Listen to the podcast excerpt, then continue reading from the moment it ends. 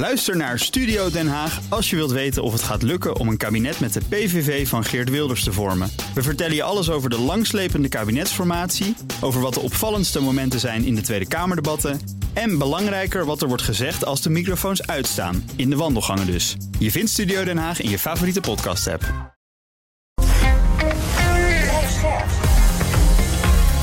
BNR Nieuwsradio.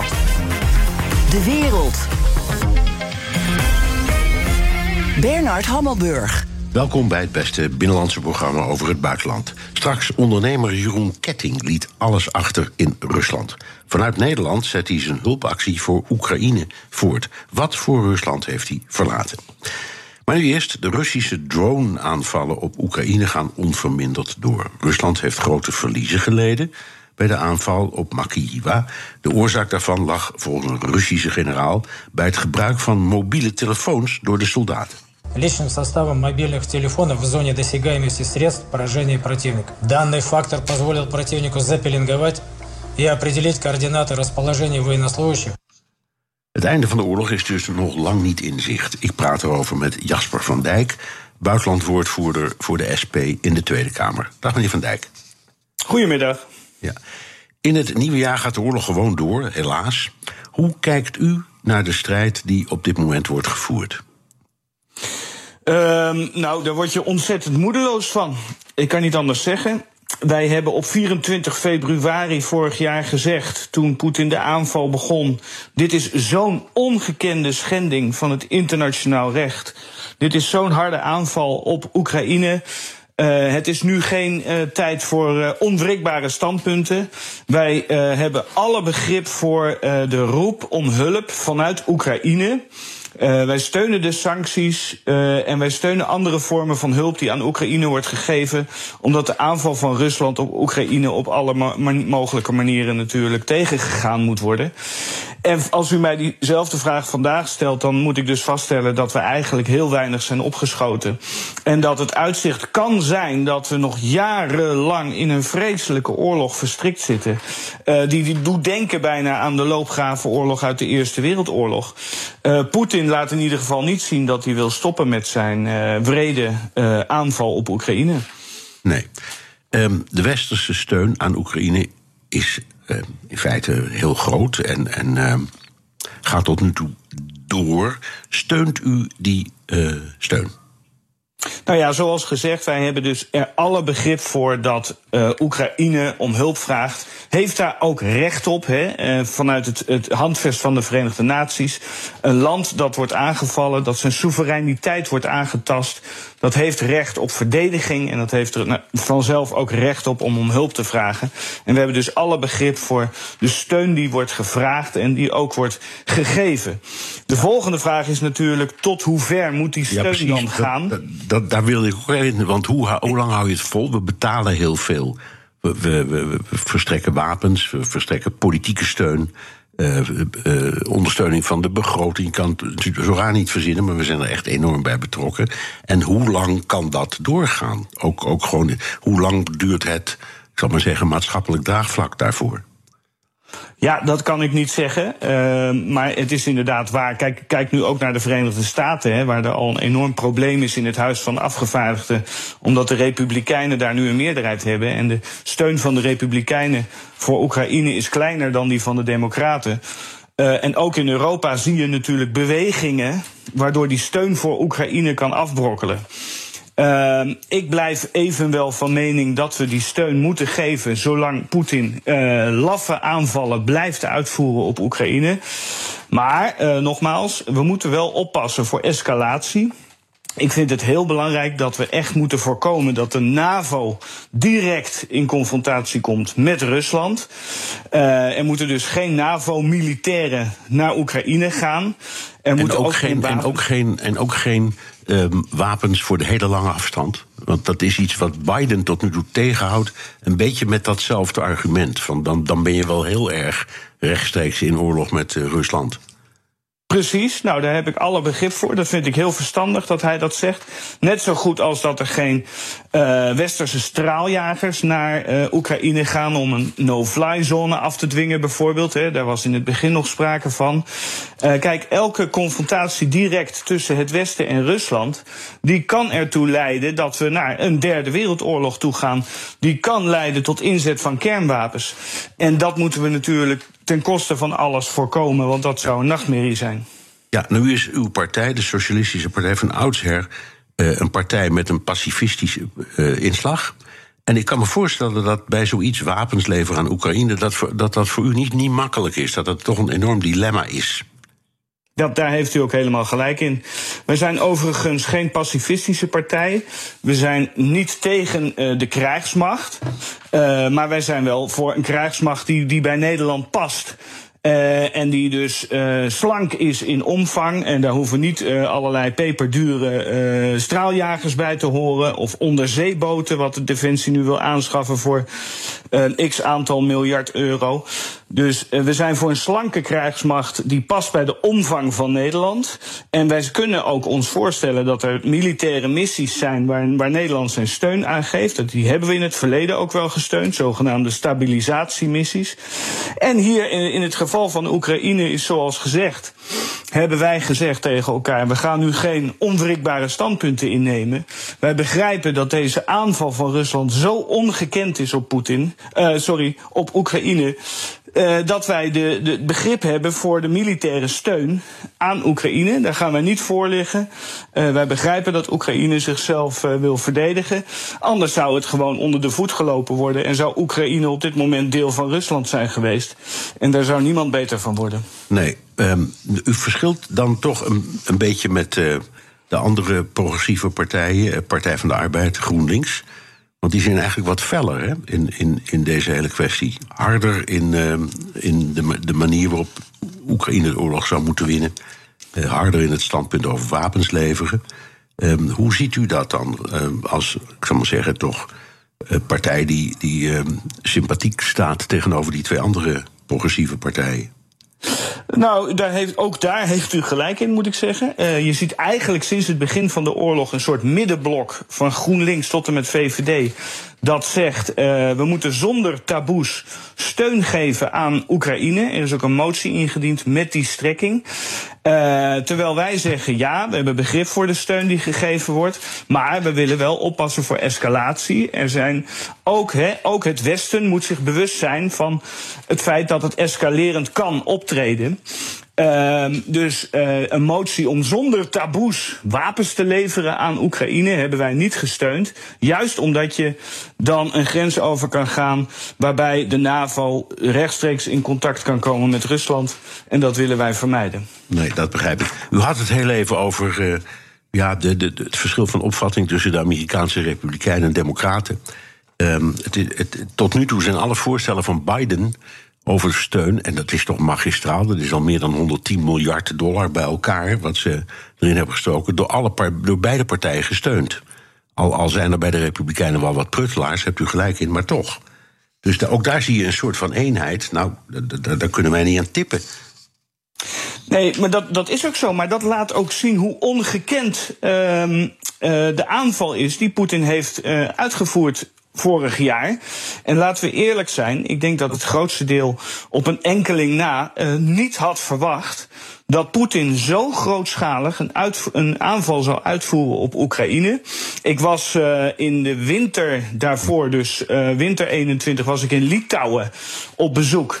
Uh, bij de Nederlandse militairen die daar gestationeerd zijn. En daar werd ook gezegd door deskundigen: uh, laten we wel wezen, staal tegen staal. Hè, dat is iets van de vorige eeuw, dat soort ja, oorlogen.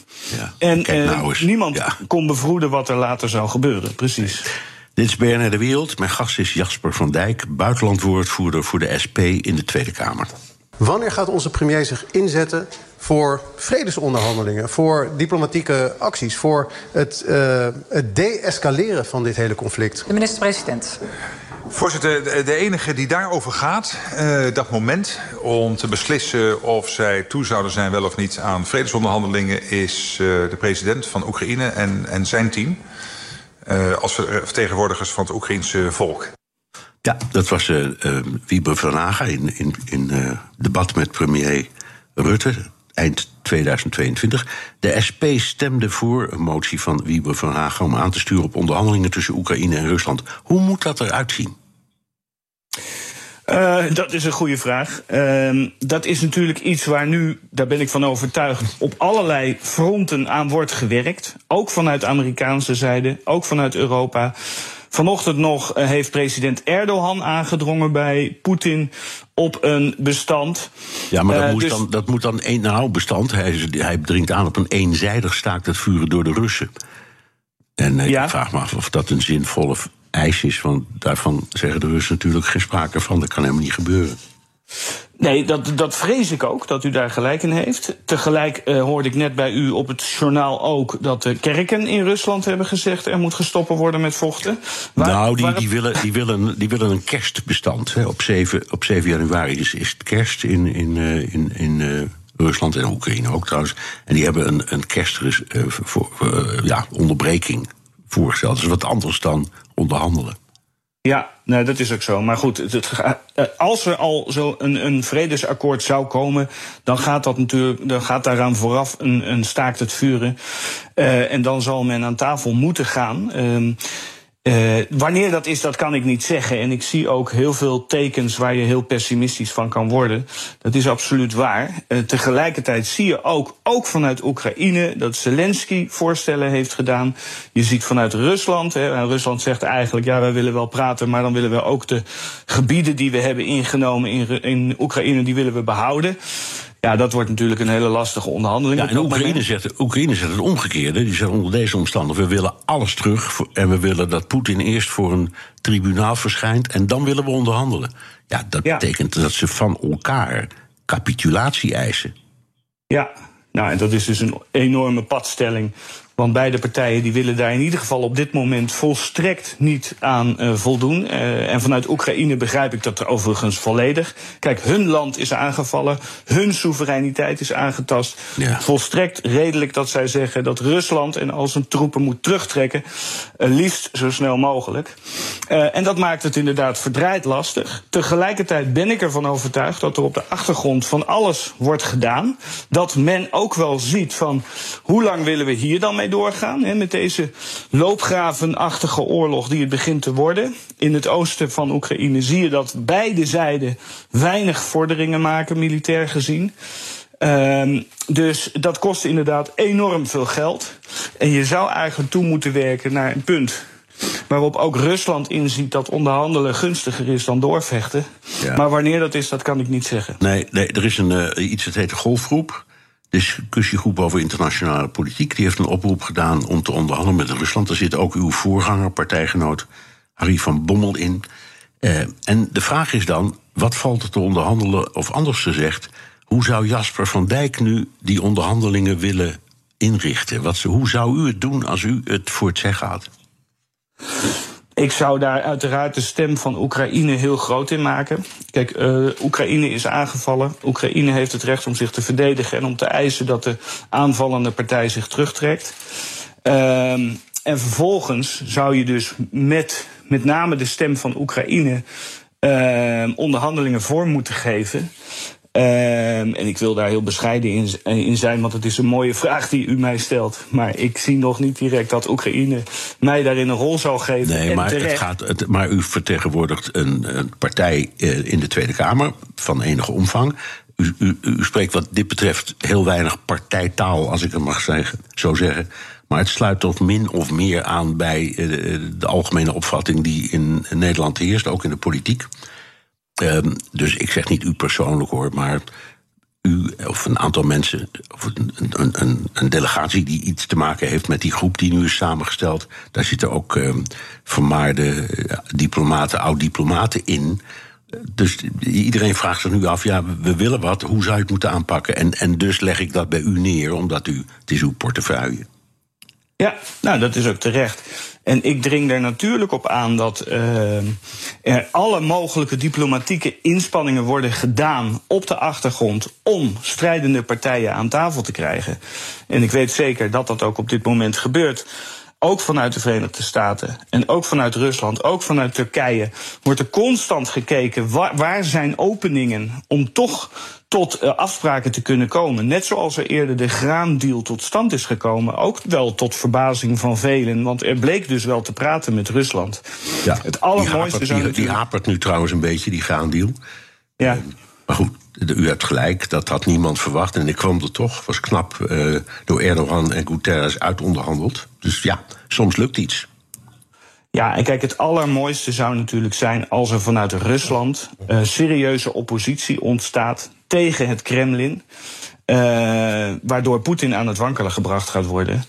Uh, ik zie daar ook nu niet direct tekenen toe. Nee, maar het nee. is ook duidelijk dat er binnen Rusland enorme uh, afkeer is van ja, het. En dan, en dan, en dan dit, dit bedoel ik niet cynisch hoor, maar het, het aan het wankelen brengen van een regering door een oppositie is heel moeilijk. Ook in ons eigen land. U maakt deel uit van de oppositie. Ja. En we hebben felle debatten, die kennen wij.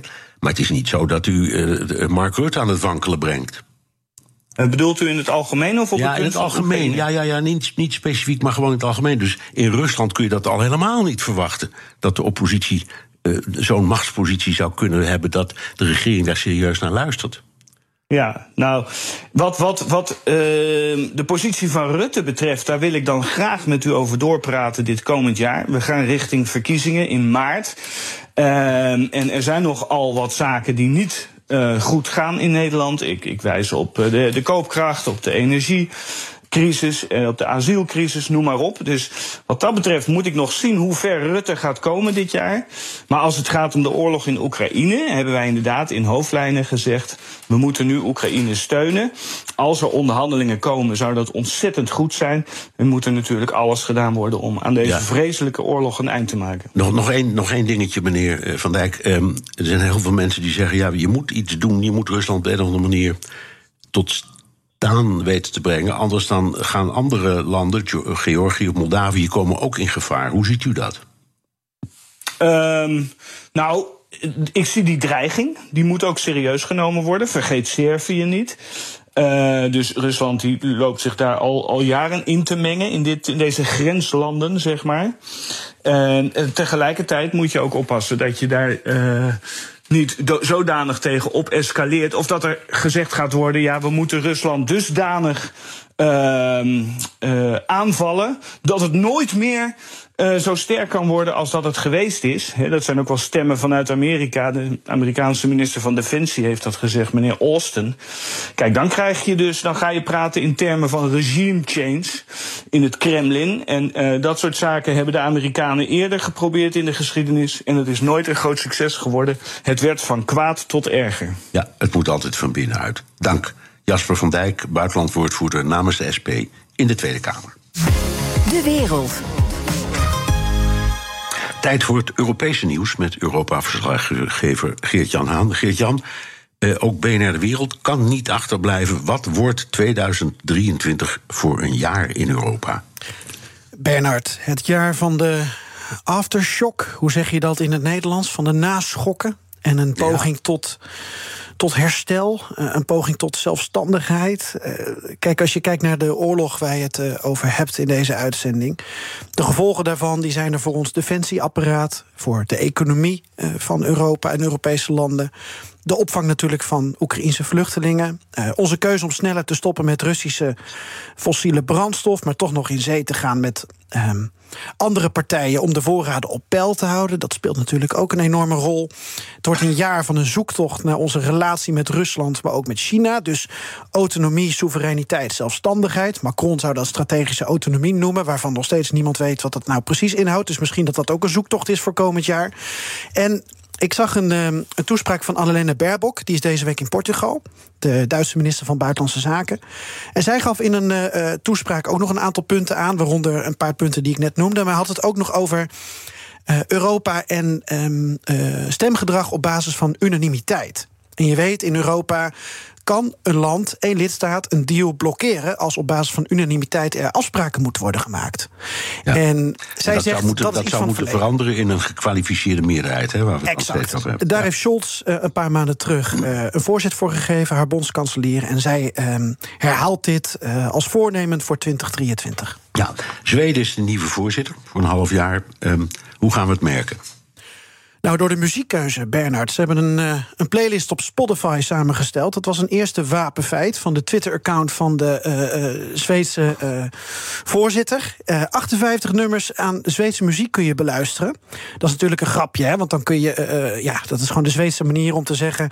wij zijn nu voorzitter. Nederland deed dat, geloof ik, een paar jaar terug... met heel veel Delfts Blauw, geloof ik, hè, tijdens het voorzitterschap presenteren. Nou, nu kun je dus genieten van Abba, Avicii en zelfs Cornelis Vreeswijk... die in Zweden uitgroeide tot een volksheld... en in Nederland volgens mij alleen bekend is om de nozem en de non. Tot zover Ja, maar de pubquiz, ik, geloof dat hij van, ik geloof dat hij van Zweedse afkomst was. Hè? Dus dat, eh, Ja, sinds de jeugd eh, zat hij in Zweden. Wat zit jij goed in, de, in, de, in, de, in de volkszangers? ja, joh, dacht je? Hey, dat wordt het groot onderdeel van de geopolitiek, toch? Heel goed. En dan Ja. zijn we terug bij wat jij bepaalt. eh, de agenda. En dat doet de voorzitter van de EU ook. Zweden dus. En als je die dan naast die van de afgelopen voorzitter, Tsjechië legt, hè, het afgelopen half jaar, dan is het op papier niet zo schrikbarend anders. De voorzitter bepaalt de agenda, maar het zijn eigenlijk accentverschillen. Dus veiligheid staat er weer op, energietransitie, energiezekerheid. Ehm, een nuance die me dan opvalt. Kijk, Tsjechië wilde afgelopen half jaar dat er meer aandacht kwam voor de Balkan. Vanwege ook daar de politieke strubbelingen en de eventuele dreiging van ehm, eh, Rusland en China. Ehm, nou, daar is ook eh, eh, aandacht voor geweest met een Balkan-top. Zweden eh, maakt dan bijvoorbeeld op het punt veiligheid weer meer werk van criminele bendes in grote Europese steden. Daar hebben ze zelf in Stockholm veel last van, georganiseerde misdaad. Dus dat koppen ze dan aan dat hele grote thema veiligheid op het eh, continent. Ja. Wat ik zelf nog wel. ehm, Waar ik wel benieuwd naar ben, Bernard, is de Europese Ruslandstrategie. Daar gaat volgens mij over gesproken worden komend half jaar. Wat voor relatie moet Europa met Rusland nou hebben? Wordt ongelooflijk ingewikkeld. En eh, tot slot, eh, Zweden heeft natuurlijk net nieuwe verkiezingen, of net verkiezingen gehad en een nieuwe coalitie. En is, is wat conservatiever en nationalistischer geworden. En ik ben benieuwd, zie je nou in Europa een conservatieve verticale as van Zweden, Polen, Hongarije, Oostenrijk, Italië? En op welke manier komt die dan tot uiting? Dat is gewoon iets waar ik over zat na te denken. Daar ga ik eens op letten. Ja. Ehm, en waar let je nog meer op komende jaar? Ja, ik denk eh, de relaties van de EU met Rusland, China, Amerika, gewenste Europese autonomie. Ehm, als je dat dan opdeelt, eh, dan heb je bijvoorbeeld die Chips Act, hè, dus eh, Europese eh, chips-soevereiniteit, waar Amerika ook loopt te pushen. Westerse soevereiniteit op dat terrein eigenlijk. Er komt weer een nieuwe Europese politieke gemeenschap samen voor de tweede keer dit voorjaar in Moldavië. En is dat concept nou een blijvertje? En het tweede halfjaar, Bernard, dan zal je zien dat er alweer wat meer vooruitgeblikt wordt op de Europese verkiezingen, die in 2024 zijn. En zelf ga ik denk ik heel erg ook letten op Polen. Daar zijn in november verkiezingen. En Polen is steeds meer een draaischijf in Europa, dus dat is heel belangrijk om in de gaten te houden. Ja, er zijn altijd verkiezingen binnen de EU. Wat zijn de volgende? De eerstvolgende? Nou, dan zijn we terug bij de oude voorzitter, Tsjechië. Volgende week presidentsverkiezingen. Nou, de president is vrij ceremonieel, dus het is niet van enorm belang. Wat mij alleen opviel was um, Milos Zeeman, die treedt dan terug. Die is nu president, maar die is eigenlijk ook vrij uh, fragiel. En hij was sinds de Praagse lente van 1968 actief in de eerste Tsjechoslowaakse en daarna Tsjechische politiek. Dus dat is toch wel ja, uh, iemand die na, wat is het, uh, 55 jaar afscheid neemt van het Tsjechische ja. politieke toneel. En eigenlijk alles heeft meegemaakt wat we nu weer herhalen. Want hij begon in een periode dat Rusland, Rusland toen nog als Sovjet-Unie ja, abrupt die Praagse lente beëindigde met de inval. Ja. Cirkel is rond. Cirkel is rond. En denken we ook nog even aan Doepcheck voordat die wordt vergeten. Dankjewel, Europa-verslaggever Geert-Jan Haan. BNR Nieuwsradio. De wereld. Bernard Hammelburg. De Nederlandse ondernemer Jeroen Ketting woonde 28 jaar in Rusland en bezat er drie bedrijven. Afgelopen jaar besloot hij met zijn Russische vrouw het land te verlaten. Ik sta letterlijk in de bank. Alle Russen zitten nu, kijken nu in één keer naar mij om. Van uh, wat spreekt die man een rare taal? Is dat nu de vijand? Ja. Uh, we staan in de rij, maar ik sta achter bankmedewerkers die hun eigen geld nog hier aan het op, op, ophalen zijn. Oh. Dus het is, uh, dit is al de tweede bank die we afgaan, omdat bij de eerste bank was er al geen geld meer. Dus Russen die zijn uh, echt aan het rennen en vliegen om ja, cashgeld in, in de zak te hebben. Zoals de situatie in Moskou op 24 februari. Jeroen Ketting is nu weer in Nederland en hij is mijn gast. Dag Jeroen. Dag Bernard. Wist je toen op 24 februari al dat je terug zou moeten? Nou, we hebben eigenlijk binnen 30 minuten nadat uh, we wisten dat de oorlog uit was gebroken, besloten dat we weg wilden. Dat dit voor ons een, uh, ja, een rode lijn was uh, over de druppel die de emmer deed overlopen. Dus uh, wat dat betreft uh, was het toen nog een kwestie van uh, zelf besluiten om weg te gaan. later werd het ja, een, een weg moeten vanwege de activiteit in Oekraïne. Ja. Ja, het, het, opmerkelijke, maar daar hebben we het wel eens eerder over gehad, maar toch geldt voor heel veel mensen. Eigenlijk was, er natuur, was het natuurlijk al mis in, in 2014 en, en met, het na, met het neerhalen van MH17. Um, hoe kwam het nou dat je op dat moment, toen dat allemaal speelde, uh, dacht ik blijf gewoon nog maar even zitten. En bij het uitbreken van die oorlog dacht nee, nou moet ik weg. Ja, dat is een, een gewetensvraag die ik, uh, die ik mezelf nog steeds stel, waarvan het heel moeilijk is om daar juist antwoord op te geven. Je had natuurlijk eerst de annexatie van de Krim en toen de MH17. Beide op zich hadden al redenen kunnen zijn om te zeggen van dit, dit, dit is een stap te ver. Hè. Dit is de druppel die de, de emmer doet overlopen. Aan de andere kant. Ehm, uh, was het toen de tijd tegelijkertijd nog steeds business as usual. Hè? We zijn als Europa kopen we, uh, hebben in 2022 nog steeds olie en gas uit, uh, uit Rusland gekocht. bedrijven trokken zich niet, niet terug. Het was toen ook allemaal heel hybride en symmetrisch. Dat waren toen de asymmetrisch, dat waren toen de termen die in, in, in zwang raakten. Hybride in de zin van niet een hele duidelijke. De, de, de annexatie van de Krim ging zonder een, een, een schot dat, dat, dat afgevuurd werd. Um, wie en wat uh, omtrent de MH17 was ook heel lang uh, onduidelijk. Dus. Um, het was toen een hele onduidelijke situatie waarin wij niet direct uh, hebben gezegd van oké, okay, dit is nu uh, een, een, situatie waarin wij een principieel standpunt in moeten nemen. Maar nogmaals, ik stel mezelf nog steeds de vraag, had ik dat toen moeten doen? En hadden wij als, als Europa dat toen moeten doen? Hadden wij als Nederland ja. dat toen moeten doen? En, hadden wij als en, Nederlands bedrijfsleven in Rusland dat moeten doen? En met jou, elk bedrijf en elke regering ook. Want ja. ook die, die, die ja. hebben, ze hebben dat nou goed. Dus, oké, okay, het duurde uiteindelijk nog tien maanden. Uh, want vlak voor kerst kwam je terug. Wat moest er allemaal nog gebeuren? Ja, ik, ik heb van die tien maanden natuurlijk, eh, daar komen we later nog wel op, uh, ongeveer de helft van de tijd in, in Oekraïne gezeten. Maar ja, wat moest er gebeuren? We hadden drie bedrijven zelf. We hadden zo'n zeven bedrijven van onze klanten onder, onder management. contracten moeten uitgediend worden of, of afgerond worden. je moet aan je verplichtingen voldoen. Het, het opheffen van een bedrijf in een land als Rusland met een enorme bureaucratie is moeilijker dan het opzetten van een, van een bedrijf. En um, daarbij is het zo dat we ongeveer vanaf september enorm uh, werden lastiggevallen en nog steeds door uh, de Belastingdienst, door um, de douane en dergelijke. En daar is mijn vrouw en businesspartner, zakenpartner Svetlana nog steeds druk mee, druk mee bezig. Ik denk dat zij, want zij gaat, ik ga 15 januari weer naar Oekraïne, zij gaat weer terug naar Moskou om weer nog steeds zaken af te ronden. Ik denk pas dat we van de zomer helemaal los zijn van Rusland. Ja. En wat ben je dan allemaal kwijt als dat is afgerond? Ja, wat ben je kwijt? Uh, een, een, een, toekomst. We hadden, uh, ja, grappig genoeg, nog twee weken voor het uitbreken van de oorlog ons kantoor in, uh, in Rusland aangekocht. omdat wij voor de komende 10, 15, 20 jaar daar nog een toekomst zagen. De bedrijven liepen als een, als een tierenlier. De bedrijven van onze klanten liepen als, als, als, als nooit tevoren. Um, dus die toekomst, één, is weg. Twee, de je assets. Dus ik heb daar een appartement. We hebben daar ons kantoor in eigendom. Ik heb daar zo'n dacha, zo'n zo'n zo'n zo Russisch buitenhuis.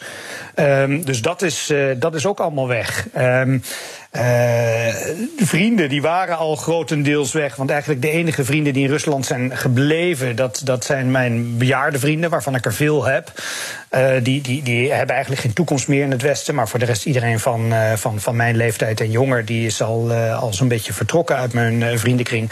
En natuurlijk 28 jaar leven. ik was altijd een van de, de Ruslandkenners in, in, in, in Nederland. En ja, mijn hele bestaan was toch wel gebaseerd op het feit dat ik daar zat. En, en daar toch wel wist hoe Abraham de mosterd haalde. Um, maar nu dat ik zelf de leeftijd van Abraham uh, heb met een, nog een jaartje extra erbij, ja, moet ik een nieuw bestaan op gaan bouwen. en, en, en ja, is Rusland geen onderdeel meer van de toekomst. Nee. En, en je bent je inkomen kwijt, dus hoe, hoe kom je rond, als ik het mag vragen?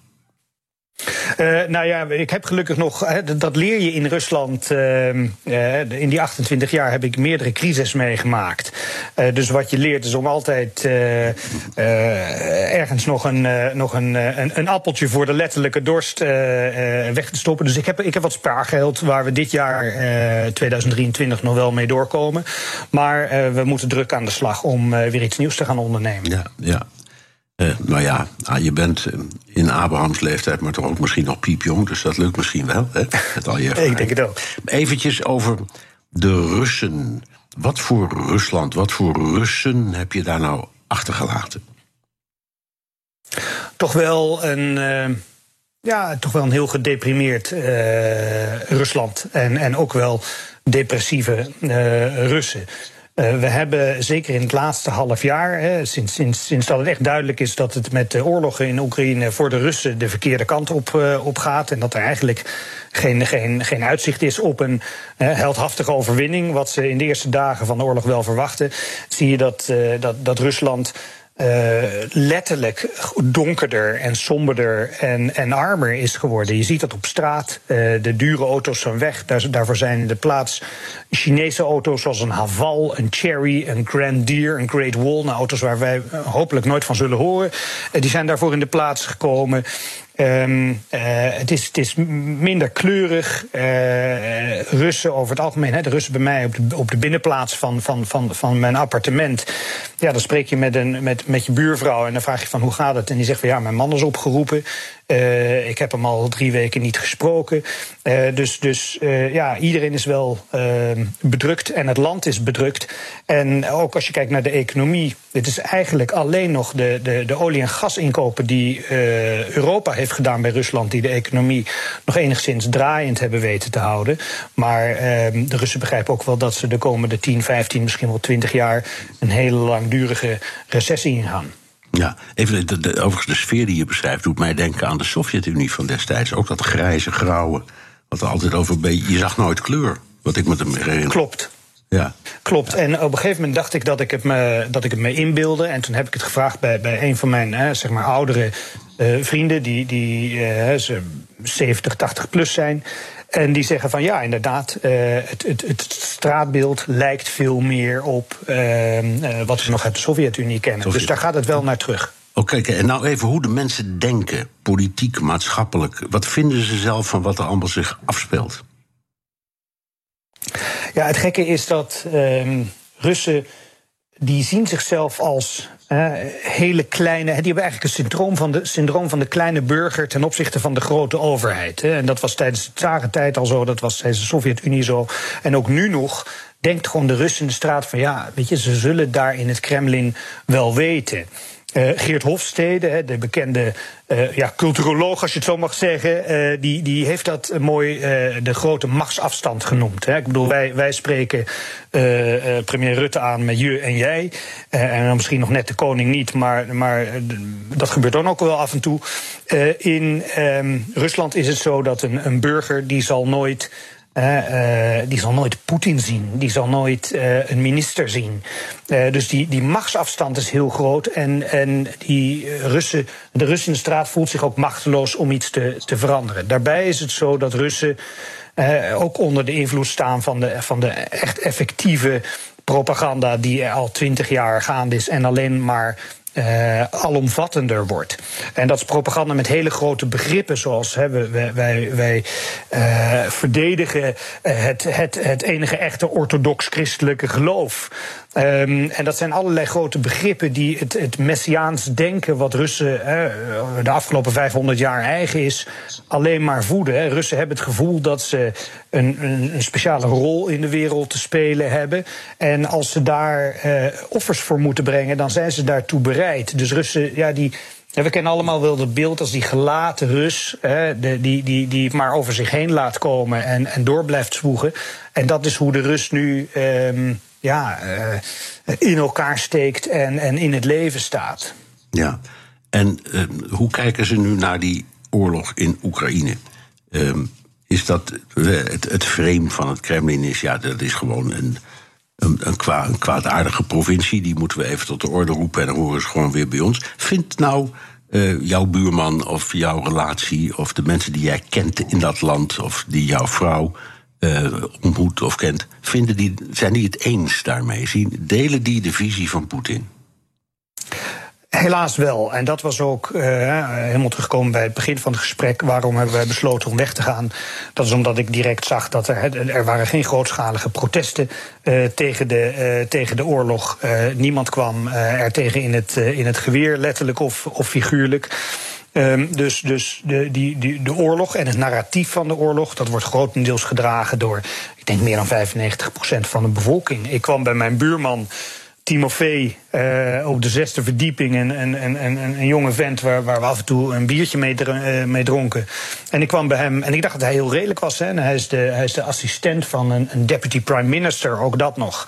En ik kwam bij hem in, uh, in het huis en ik zie uh, first aid kits staan en ik zie tourniquetten en ik zie uh, naalden en spuiten. En ik zeg, wat doe je daar allemaal mee? Hij zegt van ja, dat stuur ik allemaal naar um, de Russische soldaten aan het, aan het front.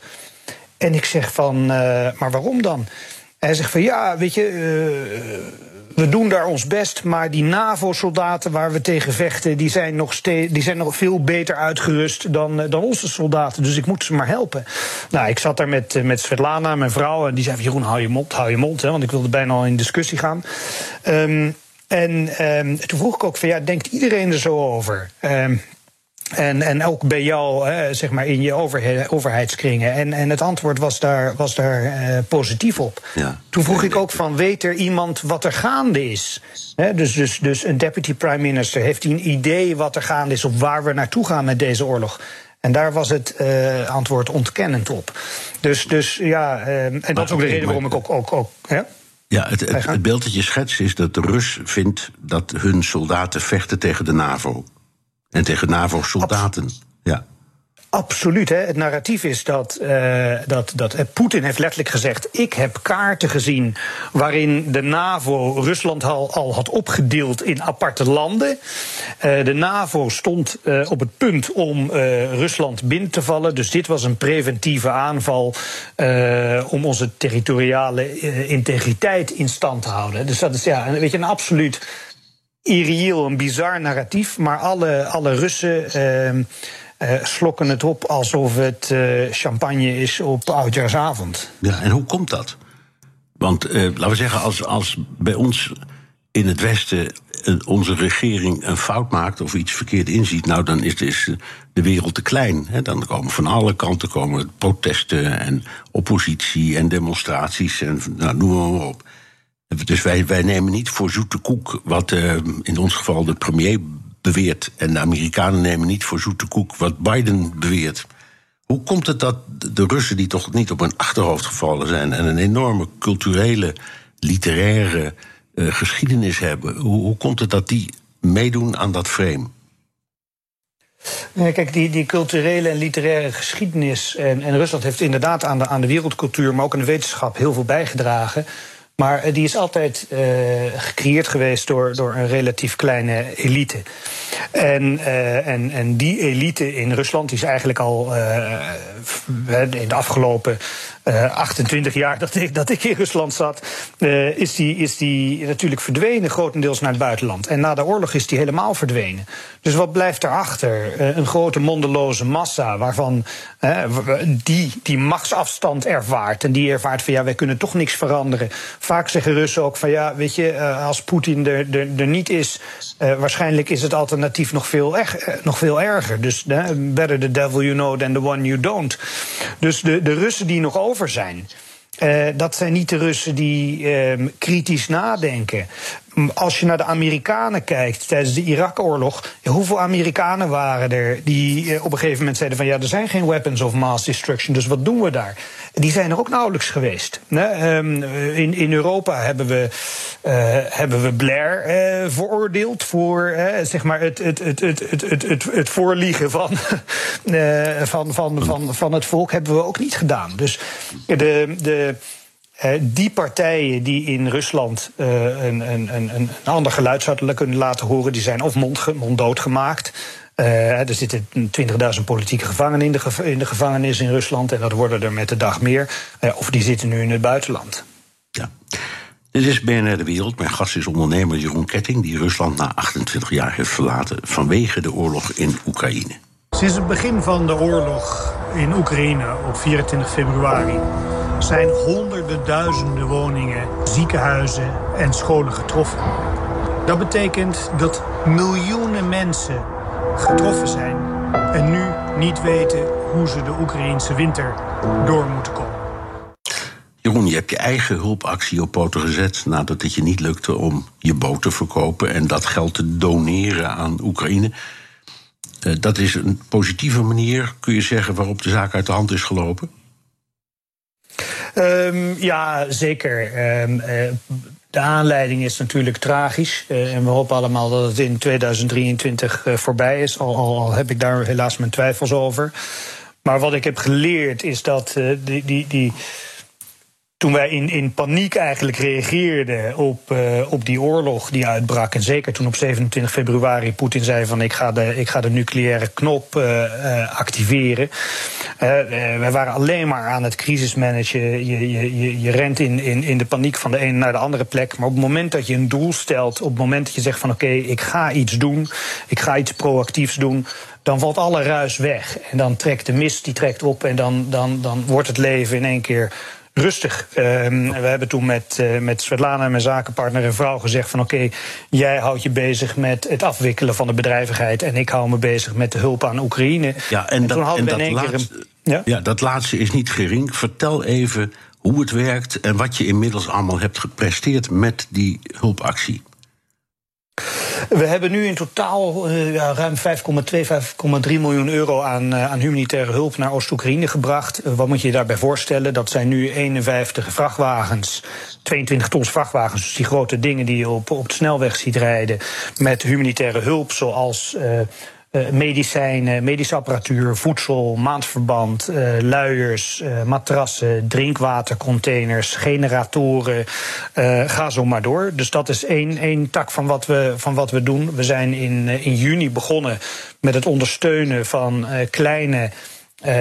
Vrouwelijke of familiebedrijfjes in Oekraïne. Dus kleine bedrijfjes die voor de oorlog het goed deden, maar door de oorlog uh, uit het spoor waren geraakt. Die helpen we met uh, microleningen, met apparatuur die we, die, we, die we doneren, met het creëren van markttoegang tot de Europese markt.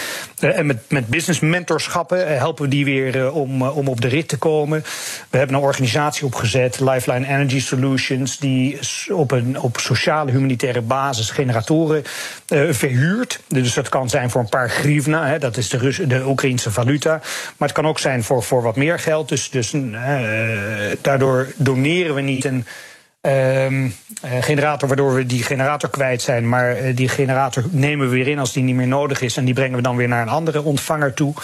We zijn begonnen met Lifeline Veteran Tech. Dus we, we doen het omscholen van veteranen. tot, zodat ze uit simpele IT-functies voor Nederlandse en West-Europese IT-bedrijven uit kunnen voeren. En we hebben Lifeline Fair Farm Cooperative opgezet, waarmee we kleine boerenbedrijfjes die geen toegang hebben tot, tot de EU-markt helpen om uh, een eerlijke prijs voor hun, voor hun productie te krijgen en, en te exporteren naar. Naar Europa. Dus het is, ja, dit is dan in een, in een, in een notendop. En ik begrijp voor de radio is het al een heel lang, een heel lang nou, verhaal. Maar ja, het is nee, een, maar ik begrijp het. Maar het is, het is, laten we zeggen, een NGO die Ja. op behoorlijk grote schaal hulp verleent op alle mogelijke gebieden in Oekraïne. Hoe is dat geregeld? Is dat een stichting? Is dat een eh, BV? Is dat iets? Eh, hebben die Nee, een, dat is- dat is een- dat is een waar mensen iets aan kunnen overmaken? Hoe zit hoe werkt Ja, het? ja, ja, zeker. Ja, het, is een, eh, het is een stichting. Ehm, alle Nederlanders, inclusief mijzelf, wij doen het allemaal eh, op vrijwillige basis, op pro bono basis. We hebben zelf eh, met, met, met eh, Svetlana en ik hebben er ook zo'n 40.000 euro eh, ingestoken in, eh, in 2022. In Oekraïne hebben we drie mensen die een vergoeding krijgen van 750 euro per, eh, eh, per maand. Eh, die hebben allemaal gezinnen, die moeten die gezinnen ook kunnen voeden.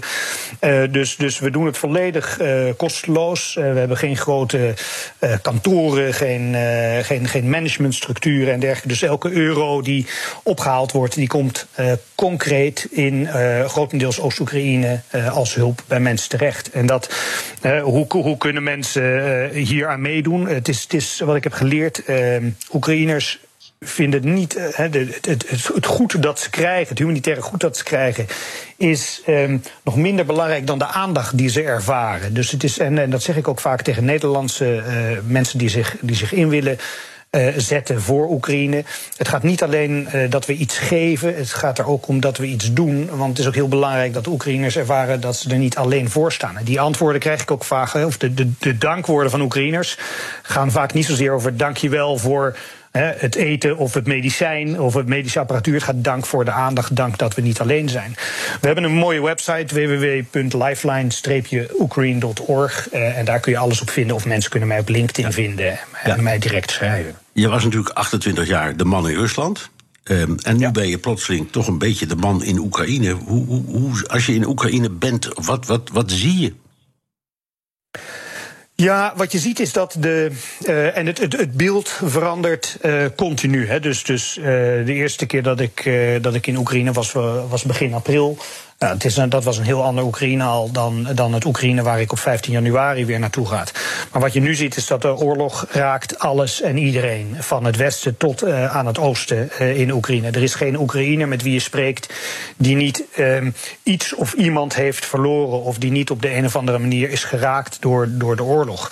Je ziet dat Oekraïners eh, aan de ene kant hun gevoel voor humor nog, nog, nog, nog eh, dat is nog intact. Ehm, hun, hun vastberadenheid is, is ook intact. Maar je ziet toch wel dat ze, dat ze eh, eh, ja, getraumatiseerd zijn door die oorlog. Je ziet de verwoesting.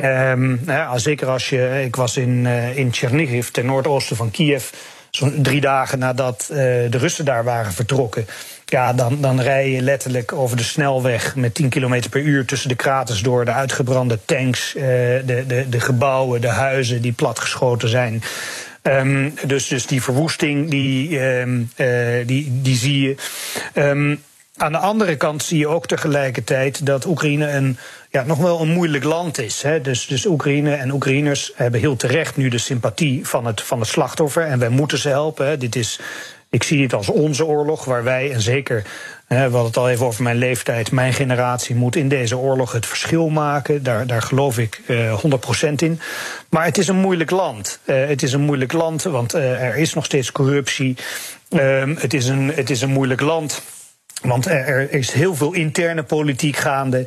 Het is een moeilijk land, omdat eh, zeg maar Oost- en West-Oekraïne is een beetje zoals eh, Vlaanderen en, eh, en Wallonië. Hè, dus die, die, die, die, die, die, die, die kunnen niet zo heel goed met elkaar door een deur.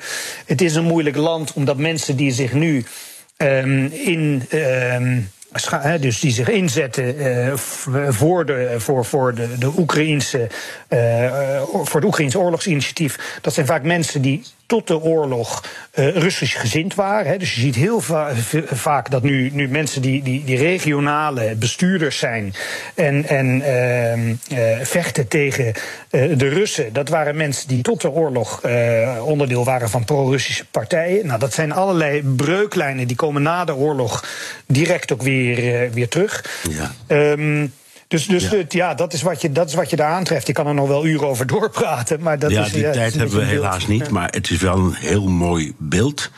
Uh, dankjewel, Jeroen Ketting, ondernemer en initiatiefnemer van de hulpactie Lifeline Ukraine. Heel veel succes. Uh, geweldig dat je dit allemaal doet en met ons wilt delen. Tot zover BNR De Wereld. Terugluisteren kan via de site, de app, Spotify of Apple Podcast. Reageren kan via een mailtje naar dewereld.bnr.nl. Tot de volgende week. Ook Diana Matroos vind je in de BNR-app. Ja, inderdaad. Je kunt live naar mij luisteren tijdens de Big Five. Ook handig in de BNR-app. Breaking nieuwsmeldingen, maar ook het allerlaatste zakelijke nieuws. En je vindt in de app alle BNR-podcasts, waaronder Wetenschap Vandaag. Download nu de gratis BNR-app en blijf scherp.